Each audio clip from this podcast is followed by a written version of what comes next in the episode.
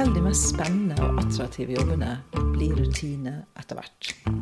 Da oppstår spørsmålet skal du bruke resten av livet på å hygge deg med kjøttbeinet ditt, eller er det på tide å gjøre noe helt annet? Kari Spjelnes var 52 år og forlagsdirektør i Aschehoug da hun sa opp jobben for å finne på noe nytt og vanskelig. Velkommen til en ny episode av Snakk om jobb. Jeg heter Lisa Wade og hjelper bedrifter og organisasjoner med leder- og medarbeiderutvikling. I tillegg støtter jeg mennesker til å ta grep om sitt eget arbeidsliv. Gjennom denne podkasten og online-kurset Karrieregrepet inspirerer jeg til å tenke nytt rundt jobben, livet og alle de mulighetene som finnes.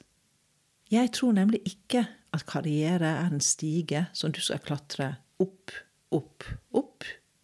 Jeg tror det er et liv du skal leve. Pass på at det er ditt liv. Kari Spjeldnes, hvor mange mennesker i Norge tror du ønsker å være direktør for et av våre største forlag? Hvis du skulle gjette, liksom. Det er jo spørsmål jeg aldri har stilt meg selv. Jeg har aldri hørt det spørsmålet stilt før. Eh, jeg har lyst til å begynne, jeg må få svare litt indirekte på det. fordi jeg tror det er, altså jeg vet at det er veldig mange som ønsker å jobbe i forlag. Ja. Og veldig mange av de som ønsker å jobbe i forlag, de har en bakgrunn i og for seg lik som den bakgrunnen eh, jeg har. De er eh, lesere. De har kanskje studert et språkfag eller litteratur, eller i hvert fall et humaniorafag eller tre på universitetet. Og så drømmer de om å jobbe i forlag. Eh, sånn at det er veldig mange som drømmer om f.eks. å bli forlagsredaktør, eller også bare å være konsulent for et forlag. Eh, jeg er ikke helt sikker på om det er like mange som eh, drømmer om å jobbe i forlag, som også ser for seg at de skal ha ansvar for økonomi, budsjetter, personal, strategi og daglig drift. Men nå må jeg jo svare på spørsmålet ditt. Jeg gjetter Altså, det er nok mange. 150-200, noe sånt. Kan, det er virkelig et tall jeg bare tar ut av luften. Ja, jeg tror også det er kanskje en del flere enn det. Og hvis du tenker um, ja, redaktør eller jeg tror det blir flere ønsker å være redaktør enn direktør, ja, da. Det er det, altså det når, når, jeg, når, jeg, nå får et så lavt tall, for jeg er enig med deg at det tallet er veldig lavt, så er det fordi at jeg tror veldig mange av de som drømmer om å jobbe i forlag, de ser ikke på seg selv som ledere.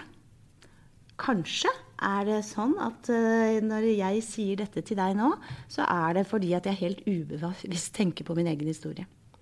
Ja, og den vil jeg høre, for du jobbet jo i forlag. Du begynte der, så du var en av de som kom inn dette veldig trange nåløyet. For det er fryktelig mange, tror jeg, som har lyst til å jobbe i forlag. Og det vet vel du også etter hvert, fra søknadsbunker. Du kom inn i det trange nåløyet for en god del år siden, og så jobbet du deg opp. Og ble direktør for Aschehoug. Og var det en god del år. Og så sluttet du. Så ja. sluttet du rett og slett. Uten jeg... å ha en annen jobb å gå til. eller noe sånt. Ja. Du sluttet i det som på en måte Du kunne jo seilt inn i en bølge av, eh, mot pensjonsalderen, i en bølge av eh, kanapeer og boklanseringer. Ja, nå er jo det å være forlagsdirektør eh, i et forlag, det handler ikke bare om boklanseringer og kanapeer. Det, det, tror jeg, det vet jeg at du også vet. Men eh, det er jo eh, også sant at det er eh, litt av det. Uh, ja, uh, jeg, det er helt riktig. Uh, og det ville helt sikkert vært den mest opplagte fortsettelsen på mitt arbeidsliv. At jeg fortsatte i det som jeg alltid har tenkt på som drømmejobben min. og jeg har vært veldig heldig. Jeg kom tidlig inn i forlag og bokklubb. Jeg har også jobbet mange år i bokklubb og har fått lov til å gjøre veldig mange spennende ting. Og jeg har uh, fått ansvar. Jeg har fått uh, oppgaver og stillinger som jeg egentlig ikke hadde tenkt meg selv kvalifisert for, før uh, jeg plutselig ble spurt om det. Det er et stort privilegium, det må jeg få lov å si. og så skal jeg ikke late som noe annet enn at det er klart jeg har jobbet. Ja da, jeg er veldig glad i å jobbe. Um, og så er det det at den stillingen jeg da forlot for litt over et år siden, den hadde jeg da hatt i ca. 15 år som forlagsdirektør i Aschehoug. Det det, det, er ganske sånn, lenge. Det er ganske lenge, det er akkurat det. Og det er en uh, helt unik stilling. Jeg, det er et slags privilegium også at uh, når man har en sånn stilling over så mange år, så er man jo i veldig stor grad med på å skape den selv. I hvert fall har jeg fått anledning til det. Jeg har lært veldig mye. Jeg har ikke minst vært med på hele den digitale utviklingen som har funnet sted i norsk bokbransje de siste 10-15 årene. Uh, og jeg har fått lov å prøve meg på mange nye oppgaver. Bl.a. å tre inn i styrer på vegne av uh, Aschehoug-konsernet og sånne ting, som jeg syns har vært veldig spennende. Så er det det, da. Jeg er uh, noen og 50 år. var 52 da jeg tok denne beslutningen. Jeg hadde nok en stund kjent på at jeg begynte rett og slett å kjede meg litt. Og så kjente jeg på det at en del av disse veldig viktige oppgavene som jeg opplever at selvsagt tilligger en leder, og det er jo særlig knyttet til årshjulet i uh, enhver forretningsvirksomhet. ikke sant? Vi skal uh, lage budsjett, vi skal uh, skape resultatene, og det blir regnskap og regnskapsgjennomganger, og så skal vi tenke strategi. Og dette er på en måte årshjul som vendes fra det ene året til det andre. Når du har gjort det veldig mange ganger, selv om det er i et forlag, alt er nye bøker, alltid er nye forfattere. Alltid er nye ting som er kjempevanskelig å få til å håndtere. Så det er i praksis ikke kjedelig. Det må jeg understreke. Så kjente jeg likevel på et veldig sterkt element av repetisjon. Og så skjønte jeg at uh, hvis jeg ikke skal sitte her og tenke at huh, nei, er jeg snart pensjonist, så må jeg faktisk gjøre noe annet. Og jeg må gjøre det nå. Og så bestemte jeg meg for å si opp jobben min. Ja, Dristig, vil sikkert mange si. Og det var det kanskje mange som sa det til deg også? Det var det. Uh, og jeg er enig. Hvorfor, um, hvorfor, er det dristig å si opp jobben sin i en alder av 52 år? Det er uh, dristig fordi man jo da ikke helt vet hva man skal gjøre. Det er jo sånn at det er knyttet noen helt opplagte økonomiske og materielle rammer til det. Sånn at både da jeg gjorde det og i tiden etterpå har jeg også vært veldig tydelig med å si at det er nok Eh, alle har ikke anledning til det. Eh, jeg er ikke sånn at jeg sitter på store økonomiske reserver, men siden jeg kom så tidlig inn i arbeidslivet og vært heldig og hatt lederjobber i veldig mange år, så jeg, altså, det, det, det, gir en frihet å ikke ha stort boliglån og ha store barn, eh, ikke ha, og ha nedbetalt studiegjeld. Altså, det er noen ting som gjør at det var økonomisk mulig for meg å tenke at jeg kunne ha en til dels mye lavere inntekt enn det jeg hadde hatt de senere årene. Hvordan var det liksom å, å se opp, da, rett og slett? Det, du, hadde, du, hadde, vært der i veldig mange år. Ja, det kjentes veldig dramatisk. Ja, Er det som å gjøre slutt på et sånt ja, kjærlighetsforhold? Det, det er jo det. Og det er, nei, det er, det er, noe av det mest alvorlige jeg har gjort. Så tror jeg må få lov til å si at det er jo også noe som, sånn som jeg opplever det, skjer, eh, i hvert fall for meg, skjedde i, i flere etapper. Fordi det er jo uh, det viktige Altså alle store beslutninger knyttet til arbeid og jobb, sånn som jeg ser for meg tenker om det, så er det Da trer jo særlig formalia inn. Uh, og man, den man sier opp til, er jo den som er en sjef. Uh, slik er det med den saken.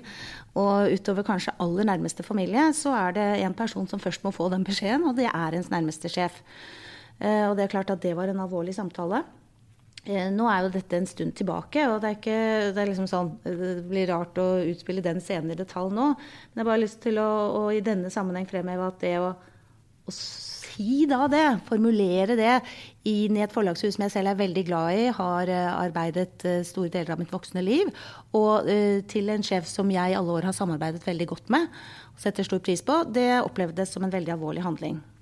Den neste store runden i det, når jeg sier at det var flere faser, det er altså å fortelle først mine nærmeste medarbeidere, vil Si de som rapporterte til meg, og så alle de som var en del av det da som heter Aschehoug litteratur, som er den delen av forlagshuset jeg var direktør for som det sier seg selv, fordi jeg hadde jobbet der i mange år, og fordi forlagsbransjen er altså et felt hvor folk ikke slutter. Nei. Det er veldig lite gjennomstrømming i stillinger i forlag. Så det er vennskap og det er Så er jo det, handlet det i stor grad om å fortelle folk jeg har samarbeidet med i veldig mange år, og også setter horvelig stor pris på, at jeg har bestemt meg for å forlate dere. Ja, det var alvorlig. Ja. ja. det er det er interessant det der at det, hvor sterkt det er. For jeg satt på den andre siden en gang som medarbeider i et ganske lite konsulentselskap. Vi var vel en 20, 25, 25 stykker omtrent. Og jeg husker da sjefen vår fylte 40 år. Eh, og da jeg husker jeg skrev en sang som vi fremførte alle sammen. da, eh, Etter melodien 'Only You'. Oh. Og så gikk det tre måneder, og så sa, sluttet han.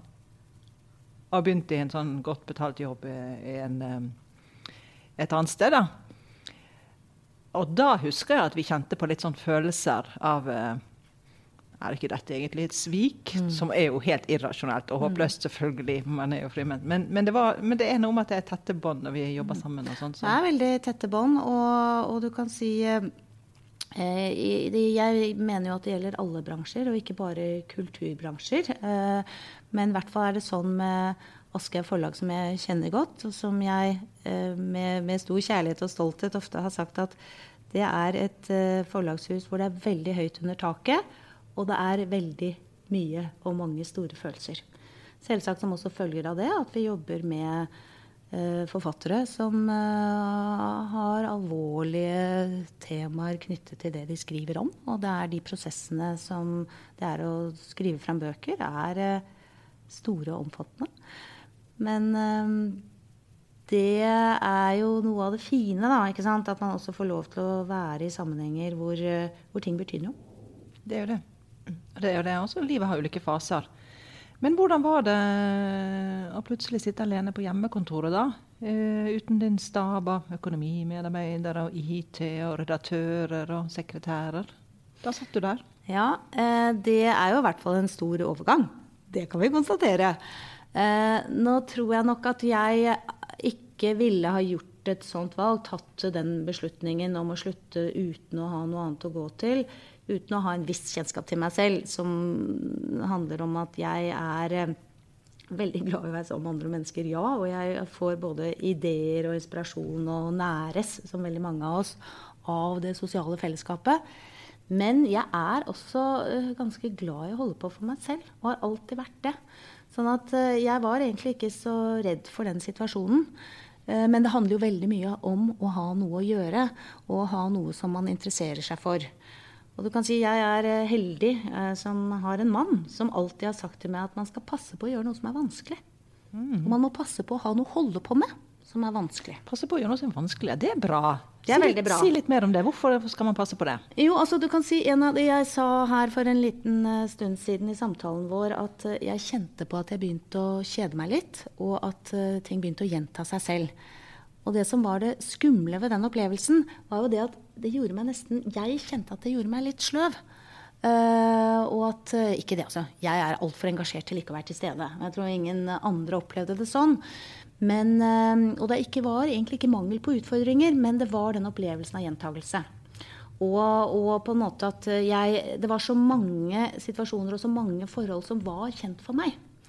Eh, og det å eh, holde på med noe som er vanskelig, handler jo veldig ofte om å lære noe nytt. Sette seg i nye situasjoner.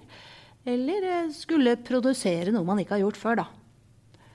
Eh, og det Rekkefølgen her er sånn at eh, jeg sa opp jobben min, visste ikke hva jeg skulle gjøre.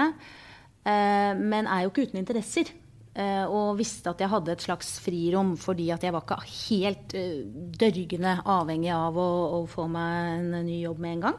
Det er et stort privilegium, det må jeg bare si. Og jeg er veldig klar over at det er et privilegium. Men det er jo fortjenesten, det er fortjenesten ja, av mange års hardt arbeid. Det det. Så det er jo det, egentlig. Mm. Og, og, hvis man er, eh, har, litt, har, spart opp litt, så, så gir det en frihet. Uh, og Eh, så eh, hadde jeg da eh, et års tid før jobb, eller, Jeg hadde jobbet med det i flere år. Utgitt en bok om å gå på ski, fordi jeg er veldig glad i å gå på ski. Det er en egen fortelling. Jeg ser ikke på meg selv som en forfatter, men jeg har jo jobbet i bokverdenen i veldig mange år. Og det var på et tidspunkt en idé som datt ned i hodet mitt, og sånn, og det var veldig morsomt for meg å jobbe med det. Akkurat på samme måte som at da jeg i sin tid tok hovedfag i litteratur. Det gjorde jeg på et tidspunkt da jeg allerede var i fast jobb og hadde redaktørstilling og sånn. Men opplevelsen av å sitte time etter time og fordype meg i et stoff, det har jeg liksom alltid kjent på som noe som napper og drar i meg. Og så har det seg sånn da, at når man velger å si opp en jobb i norsk uh, forlagsbransje, til og med en ganske profilert og spennende og stor jobb, så er det jo en sum av uh, årsaker til det. Uh, en, en, årsak var nok det at jeg kjente en del på en slags vemodsfølelse. En liten bekymring over at hva er det egentlig som skjer med bøkene og lesing? Uh, det var litt som om bøkene ble borte de veldig mange, fra veldig mange sosiale rom. Uh, jeg selv opplever at jeg hadde lett for å avbryte meg selv ved hele tiden å gå inn på sosiale medier og sjekke ting på nett og sånne ting. Selv om jeg vil absolutt innrømme at jeg fortsatt leser og har gjort det hele veien, så var det liksom noe som skjer. Så da husker jeg Og dette var jo fremdeles jeg var jo, altså Etter at jeg sagt opp jobben min, så jobbet jeg et halvt år. Fordi jeg hadde jo uh, rett og slett seks måneders oppsigelsestid som fulgte med den stillingen. Så jeg visste at jeg hadde tid på å områ meg. Det er også viktig. Det var jo ikke bare sånn jeg sier opp og slutter på dagen. Nei. Nei og nettopp for kanskje litt den der følelsen at jeg ikke ville forlate noen. Du var veldig opptatt av å avslutte ordentlig, fullføre ting. Eh, ikke bare springe av gårde. Jeg var veldig glad for det, at jeg hadde et halvt år eh, der hvor jeg etter beste evne avrundet og la til rette for fortsettelsen. Og i det halvåret der, sånn ca. midtveis, så fikk jeg en idé. En idé som jeg først uh, forkastet, for jeg hadde ikke tenkt at jeg skulle skrive en ny bok. På ingen måte. Jeg uh, visste ikke hva jeg skulle gjøre, men det var ikke planen. Det var mange som sa til meg da de hørte at jeg hadde sagt opp jobben, så var det litt sånn, sikkert ikke så rart når man jobber i forlag. 'Å, skal du skrive bok nå?' 'Nei, nei, jeg skal ikke skrive bok', sa jeg. Men så var det, og nå må jeg bare at uh, jeg skjønte at det som ville forene uh, min uh, store interesse med bøker, med noe jeg også kjente et, en higen etter å finne ut mer om, det er hva som skjer med lesing i vår tid. Og da hadde jeg fått den vanskelige oppgaven, Lisa. Ja, Så du trengte, så da gjøv du løs på den, egentlig, da du ja. sluttet? Og den var jeg jo i gang med før jeg sluttet. Ja. Sånn Rent teknisk så handler det om at jeg laget meg en prosjektbeskrivelse, sendte søknad til sånn som Fritt Ord og NFF. Og, så, det, og da, da, var jeg allerede altså, Så da jeg sluttet, eh, for, altså 30. juni 2019, så visste jeg hva jeg skulle gjøre. Ja, Og det var kanskje en god ting? Sånn det ikke, var en god ting. At du ikke liksom bare mandag, Nei, det tror jeg var helt nødvendig. Det var ikke sånn Monday morning blues, liksom. Nei, det var nei. tvert imot at nå setter jeg i gang med noe som jeg er veldig interessert i. Ja, og, og jeg hadde til og med Jeg hadde to, uh, hva kan du si uh, To uh, spor å følge. Som, det var jo akkurat høsten for et år siden at de sporene begynte. Fordi det ene var denne bokideen. Og det andre var at også sånn ca. midtveis i dette halvåret mitt, som jo strengt tatt var en oppsigelsestid, hvor jeg gikk på jobb hver dag og gjorde jobben min, mm. og samarbeidet med gode kolleger.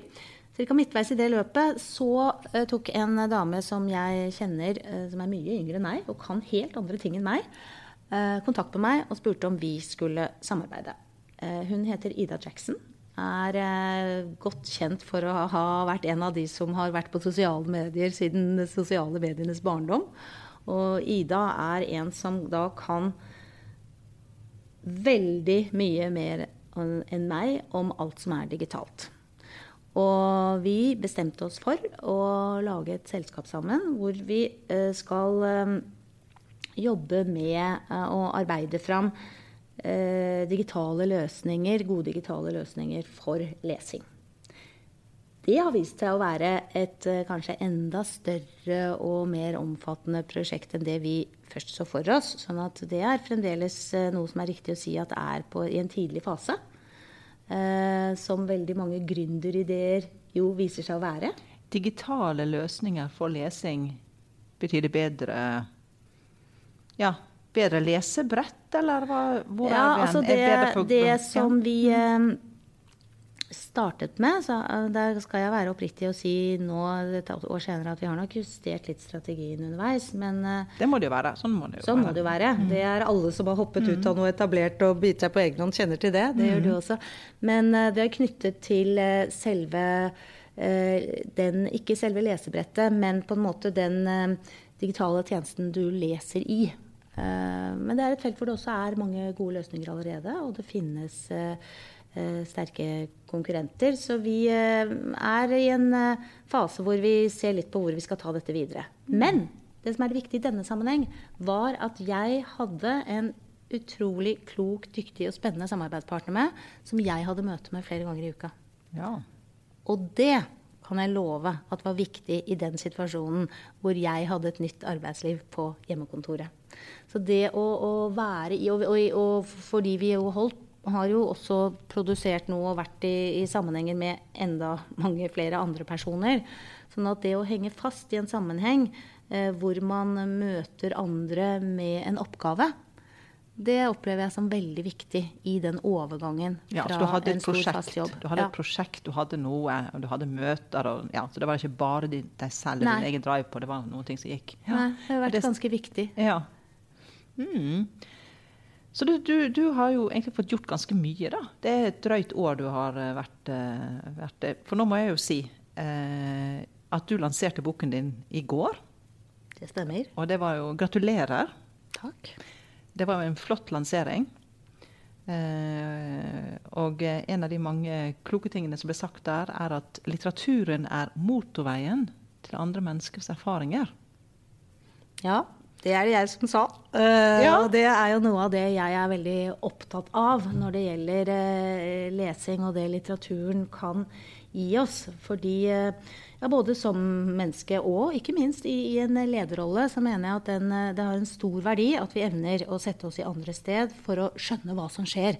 I og for seg også helt strategisk forretningsmessig, så er jo det å se for seg mulige konsekvenser og alternative fremtider, som vi, det er jo de vi skal jobbe for når vi eh, jobber i en eller annen sammenheng, da. enten det er med å utgi bøker eller lage digitale løsninger.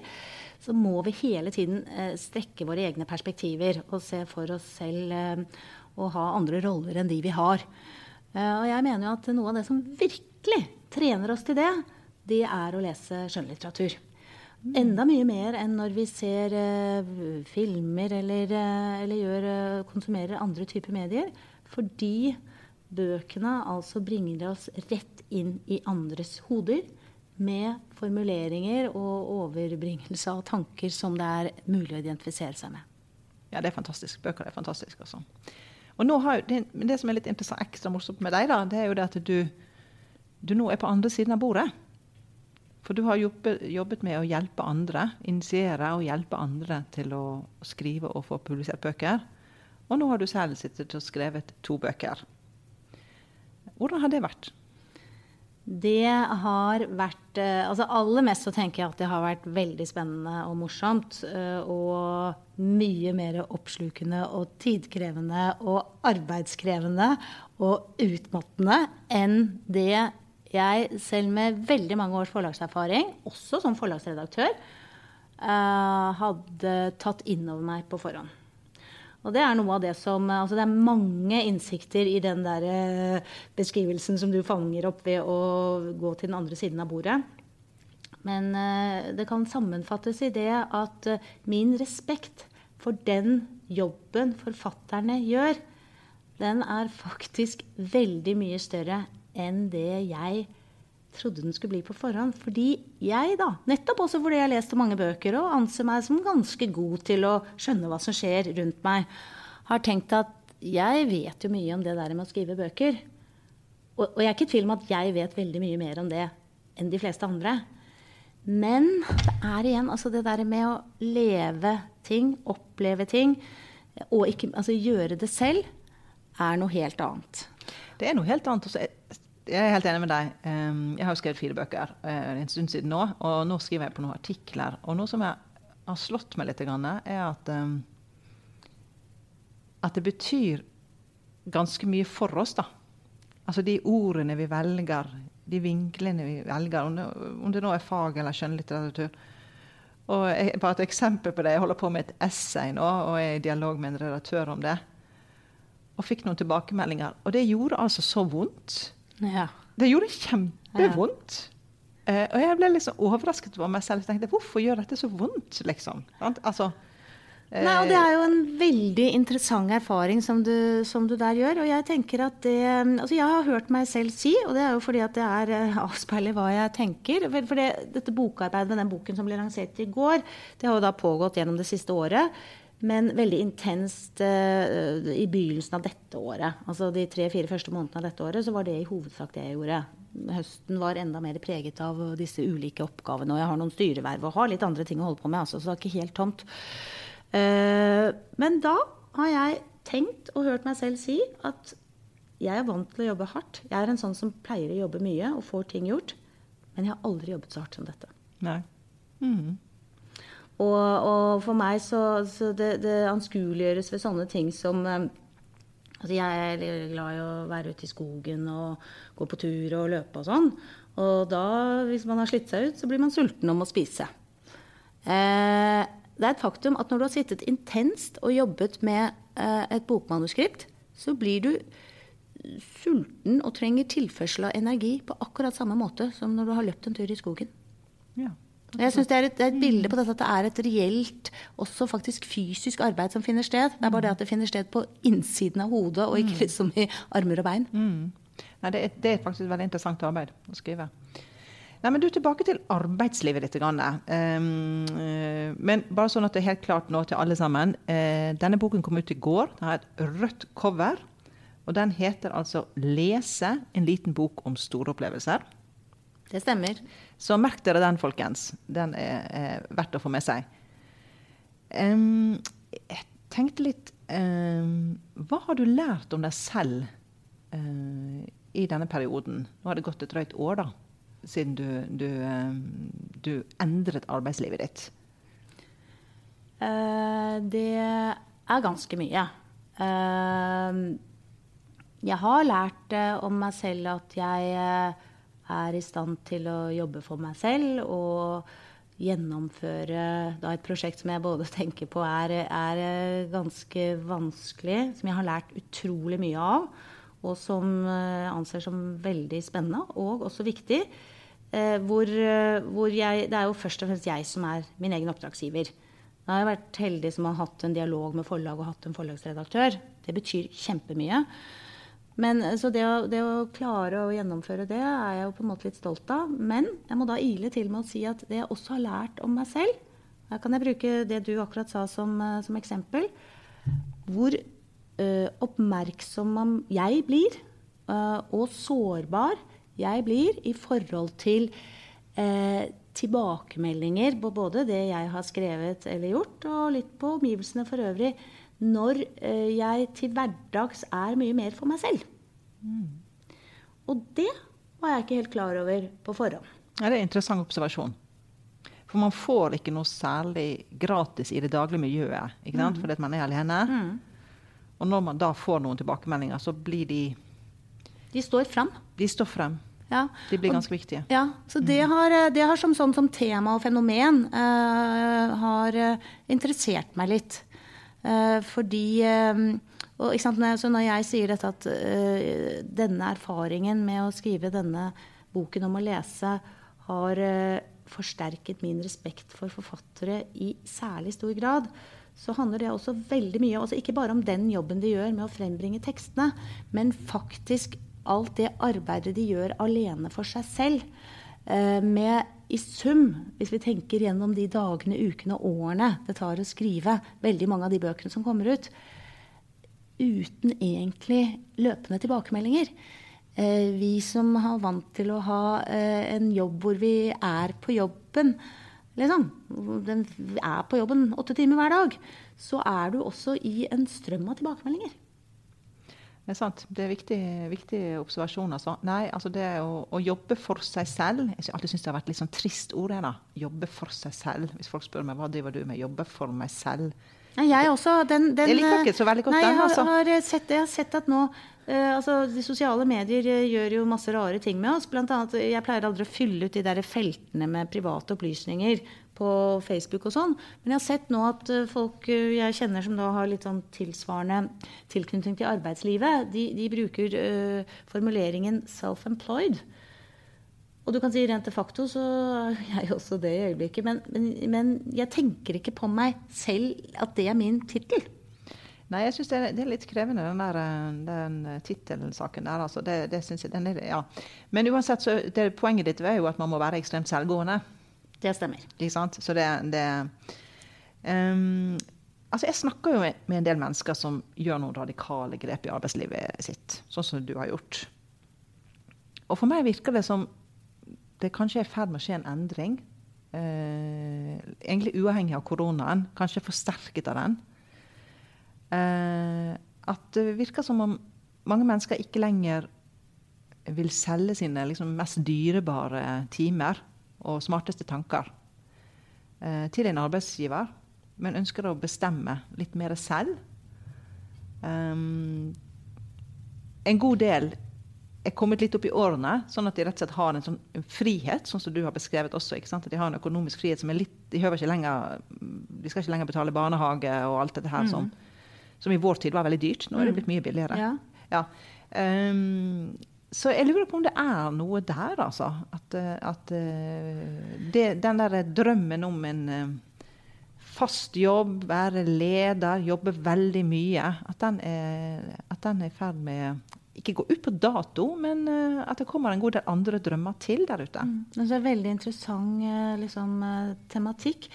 Jeg, altså, personlig så kjenner ikke jeg meg direkte igjen i det bildet. Så Derfor lytter jeg nysgjerrig til det du beskriver. Fordi det er, det er ikke sånn at jeg tenker oi, det er min historie. Men det er jo da at det vokser fram som et fenomen det er interessant, og Jeg oppfatter at uh, det er en beskrivelse som jeg dels leser om og fanger opp at gjelder generasjoner som er yngre enn oss. altså hvor, hvor, hvor, det med den faste tilknytning til arbeidslivet til dels ikke fremstår som like mulig. det er jo da noe annet enn at man velger det bort, men altså det er ikke tilgjengelig på samme måte. Og dels det at noen, eller en del, ikke ønsker det. Uh, for min del så tror jeg at um, litt uh, andre drivere altså Et sånt valg er jo ikke Det finnes ikke bare ett svar på I hvert fall ikke for meg. Det er ikke sånn 'Å, det var derfor, og så sa jobben min'. Nei, nei, det er sammensatt. Men, uh, men når jeg tenker på de lange linjene da, i mitt liv, så er det nok sånn at jeg planla aldri å bli leder. Du begynner ikke på litteraturvitenskap som første fag på Universitetet i Oslo hvis du har en stor plan og en drøm om å bli direktør. Eh, da øh, gjør du noe annet. F.eks. gå på Handelshøyskolen. Som jeg som voksen ute i arbeidslivet ofte har tenkt at eh, det hadde jo ikke vært så dumt. Var det faren min ønsket at jeg skulle gjøre. Men, men sånn ble det ikke. Men jeg, altså, jeg har jo litt sånn altså, hatt, hatt, frihet til å kunne velge, vært heldig, hatt uh, karakterer og kunne gjort både det ene og det andre. Og har liksom vært veldig styrt av det jeg har lyst til. Eh, det kan man jo spørre seg om er en eh, god strategi, men det har ligget til grunn for mine valg av studier og mange andre ting i mitt liv. Helt innen forhåpentligvis med en bevissthet rundt ansvar for både min egen situasjon og andres, sånn at det ikke skal gå utover andre, men, men liksom ganske interessestyrt. Og dette kan eksemplifiseres i at jeg husker veldig godt da jeg ble spurt første gang om å ta en direktørjobb. Da hadde jeg nemlig akkurat kommet tilbake fra fødselspermisjon med vårt andre barn. Uh, og dette dukket opp uh, en ettermiddag, og jeg uh, var jo egentlig bare klar for å fortsette i min jobb. Da var jeg redaktør i en bokklubb.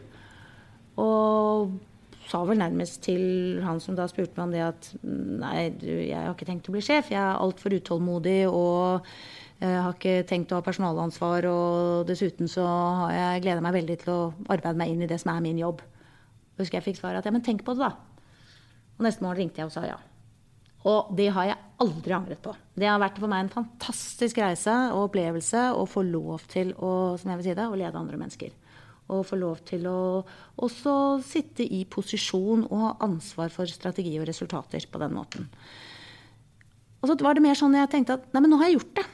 Altså, det var ikke, det var ikke sånn at det var mitt mål i livet. Uh, men jeg er, ville aldri vært det foruten. Og jeg har altså lært så mye og er så glad i det jeg har fått med meg på veien. Og jeg er jo ganske glad i å lede og styre med andre mennesker, det er ikke det. Men, eh, men det var nok mer den opplevelsen av eh, tidsknapphet eh, som slo inn hos meg. At liksom sånn Nei, men eh, skal, det, skal, skal, jeg bare for, skal jeg fortsette å gjøre dette? Eh, som jeg kan, eh, som jeg vet. Jeg må, jeg må, liksom gjøre noen av disse andre tingene. Men kunne du tenke deg en annen lederjobb, da? I en helt annen bransje? Ja, jeg, jeg har jo tenkt på det. Eh, sånn at det ikke, vil ikke være helt umulig. Nå, nå, er ikke det noe jeg kommer til å gyve løs på med det første. Men, eh, så hva fremtiden bringer, det vet vi jo ikke.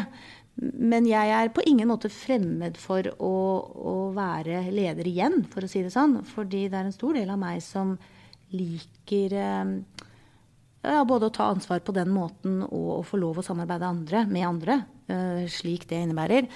Men uh, nå har jeg dette med den lesingen, da, og leseprosjektet har uh, akkurat nå brakt meg inn på tanker som innebærer at uh, det er i hvert fall ikke det jeg skal gjøre akkurat nå. Nei, for nå har du lyst til å gå ut på veien med boken din og snakke og jobbe med betydningen av lesing? Ja, og jeg kommer til å, å fortsette med å utforske hva lesing er og kan være og gjøre for oss. Ja. Og så ser du etter hvert hva du så, så, for deg var det ikke det at du ville jobbe alene nødvendigvis, det var bare at du ville gjøre noe annet? Ja, det er veldig riktig å si. Og sånn sett, uh, så, så det, den, den, dimensjonen hadde jeg faktisk ikke tenkt veldig nøye over. Uh, og det, uh, hvis jeg får lov til å gå tilbake til det spørsmålet du stilte i sted, så, så var det mer sånn at jeg visste at jeg godt kunne jobbe alene. Og så har jeg dette siste, opplevd, dette siste året opplevd i veldig stor grad at jeg eh, passer ikke til bare å jobbe alene. Nei. Jeg har det best når jeg også eh, deltar i sammenhenger sammen med andre. Mm. Ja, det er disse gode balansene. Liksom. Mm. Litt av hvert. Mm. Fort så blir det for mye enten det ene eller det andre. Mm. Kan være. Neimen, så bra. Um, skal vi se, Nå skal jeg bare sjekke notatene mine. Um, ja, så det er kanskje Hmm. Vet du hva du ønsker for ditt arbeidsliv fremover? Uh, ja, uh, jeg eh, vet jo noe om det. Uh, og det mest nærliggende svaret på det er at jeg eh, opplever gjennom det arbeidet altså, På en viss forstand så opplever jeg, har, jeg, jeg må gjenta meg selv. Jeg begynte å studere litteratur som første fag etter videregående. Og har jobbet hele mitt voksne liv i norsk bokbransje. Og oppdaget da, på et tidspunkt for eh, halvannet år siden, at eh, det å fordype meg i lesing er det viktigste og beste jeg kan gjøre for det jeg interesserer meg for nå. Og så har dette siste året forsterket den uh, opplevelsen i veldig stor grad. Uh, jeg har jo lært så mye nytt. Jeg har lest meg inn på helt nye områder. Uh, både innenfor leseforskning og hjerneforskning og tidsbruk, og selvsagt også bokhistorie og mm, ja, bøker om litteratur. I tillegg til all litteraturen jeg har lest og lest om igjen. Sånn at jeg ser i veldig stor grad at her er det mer å gjøre. Og det å løfte fram lesing i vår tid. Eh, det oppfatter jeg som så viktig at den eh, oppgaven har jeg tenkt å videreføre. Det gleder vi oss til å høre mer om. For meg så høres det ut som du at din første kjærlighet var litteraturen. da du gikk ut av videregående. Og nå er du på en måte tilbake igjen i den, da. Selv om du har jobbet med litteratur hele tiden. Men nå er du liksom genuint inne i det å lese, og hva lesingen gjør for oss.